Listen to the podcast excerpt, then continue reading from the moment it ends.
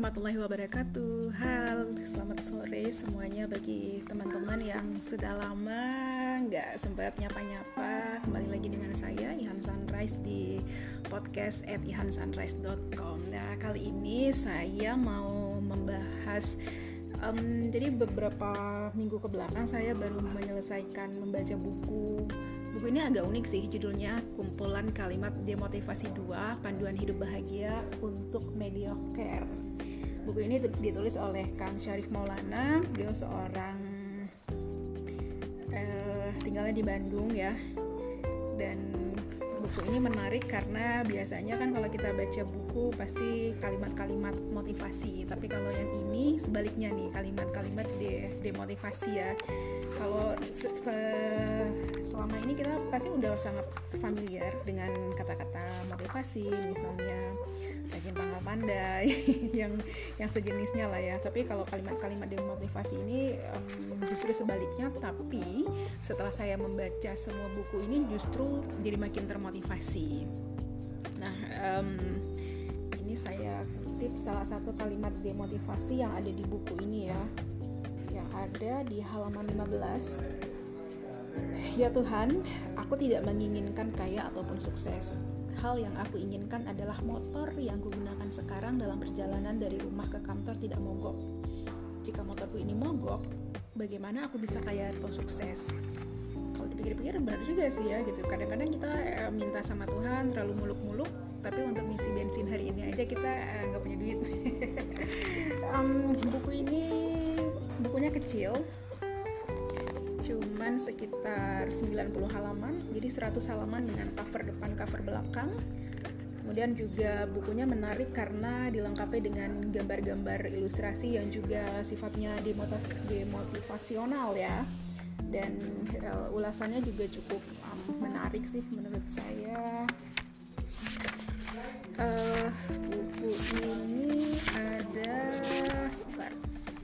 Ada beberapa apa ya bab ya. Yang pertama demotivasi bukan sesuatu yang baru. Ini sih kata pengantar ya. Kemudian COVID-19 sebagai virus demotivasi ada sains untuk menjadi kaya kemudian demotivasi sebagai permainan bahasa menjadi istimewa dengan cara biasa saja paradigma motivasional dan doa yang demotivasional. Kadang-kadang ketika kita membaca buku nggak tahu mungkin teman-teman merasa nggak sih kalau kita membaca buku misalnya buku-buku hmm, motivasi, seri-seri motivasi, ataupun ketika kita mendengarkan ceramah-ceramah motivasi, kadang-kadang eh, bukan membuat kita semakin termotivasi untuk berubah, tapi justru membuat kita uh, jadi semakin nggak pengen berubah gitu, karena um, sering kali motivasi motivasi yang diberikan oleh pembicara kayak nggak relevan sama kondisi kita. Misalnya nih. Um, soal pendidikan gitu ya banyak orang bilang selama kita punya cita-cita kita pasti bisa sukses tetapi untuk mencapai kesuksesan itu kan gak hanya dibutuhkan cita-cita saja tapi juga misalnya dibutuhkan biaya SPP, biaya transportasi, biaya hidup dan segala macam-macam. Jadi uh, kenapa persentase orang yang berduit suksesnya lebih banyak dibandingkan orang yang miskin gitu ya? Karena memang uang bukan segala-galanya tapi untuk uh, mendapatkan segala-galanya kita butuh uang gitu ya. Nah ini ada salah satu kalimat demotivasional di dalam buku ini yang berkaitan dengan uang. Mereka yang tidak memiliki uang banyak sering kali hanya bisa berangan-angan sedangkan mereka yang memiliki uang banyak sering kali mesti menghancurkan angan-angan orang lain. Nah saya nggak um, menyarankan tapi kalau teman-teman ingin membaca yang agak berbeda dari buku ini boleh membaca sekadar untuk mencari hiburan ya dari bacaan-bacaan yang mungkin selama ini terlalu monoton atau tips-tips um, sukses yang nggak bisa terlalu kita nggak bisa terlalu kita implementasikan karena terlalu terlalu berjarak sama kita misalnya ataupun terlalu sulit untuk dicapai karena akses yang kita nggak punya. Nah, kemudian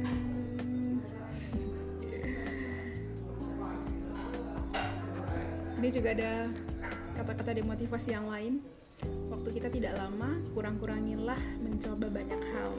Jadi fokus ke salah satu hal aja. Ini saya setuju sih kadang-kadang banyak kita yang terkecoh dengan istilah-istilah seperti uh, multitalenta ya bisa melakukan atau multitasking bisa melakukan banyak hal dalam waktu yang bersamaan. Tapi justru kadang-kadang saking multinya kita sampai nggak bisa fokus.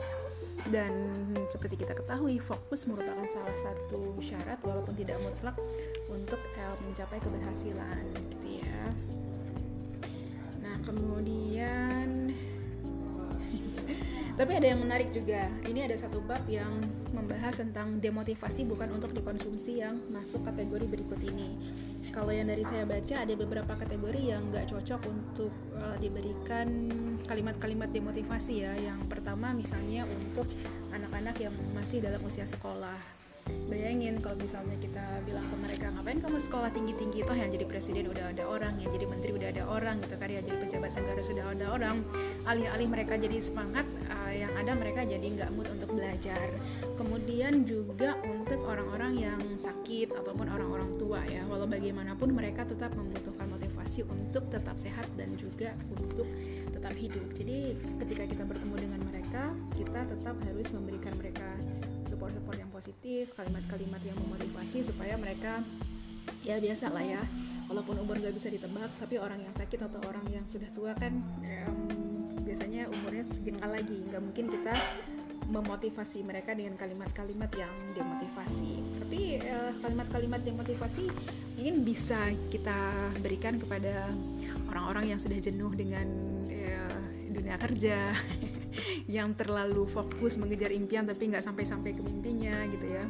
Kadang-kadang uh, kita di usia-usia produktif uh, dicekoki dengan target-target tertentu yang kadang-kadang itu justru membuat kita bukan uh, produktif tetapi membuat kita jadi kayak um, robot ya bekerja tanpa memperhatikan keseimbangan nggak nggak balance gitu hidupnya Nah, eh, misalnya target-target seperti di usia tertentu kita harus sudah uh, mapan karirnya, kemudian di usia tertentu harus sudah financial freedom, atau di usia tertentu sudah harus um, punya rumah, misalnya menikah dan segala macam.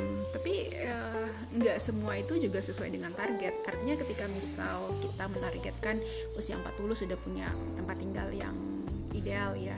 Apakah kalau kita belum punya tempat tinggal terus kita jadi orang yang gagal? Kan enggak juga. Artinya ketika kita menargetkan sesuatu uh, nggak semudah uh, membalikan telapak tangan. Tentu ada hal-hal yang harus kita upayakan gitu ya. Artinya kita tetap harus belajar untuk realistis.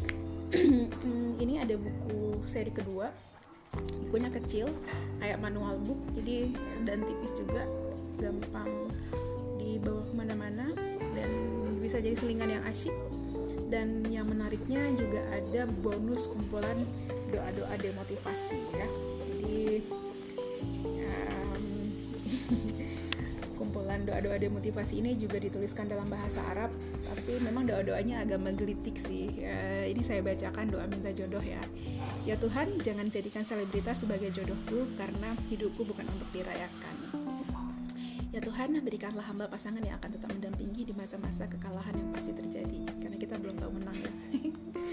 nah, kemudian ini ada doa agar rezeki berlimpah. Ya Tuhan, semoga hamba diberkahi rezeki yang berlimpah, yang kelimpahannya itu tidak sampai menimbulkan ketimpangan antara yang kaya dan yang miskin. Jadi seperti itu. Mudah-mudahan nanti kita bisa ketemu di podcast berikutnya.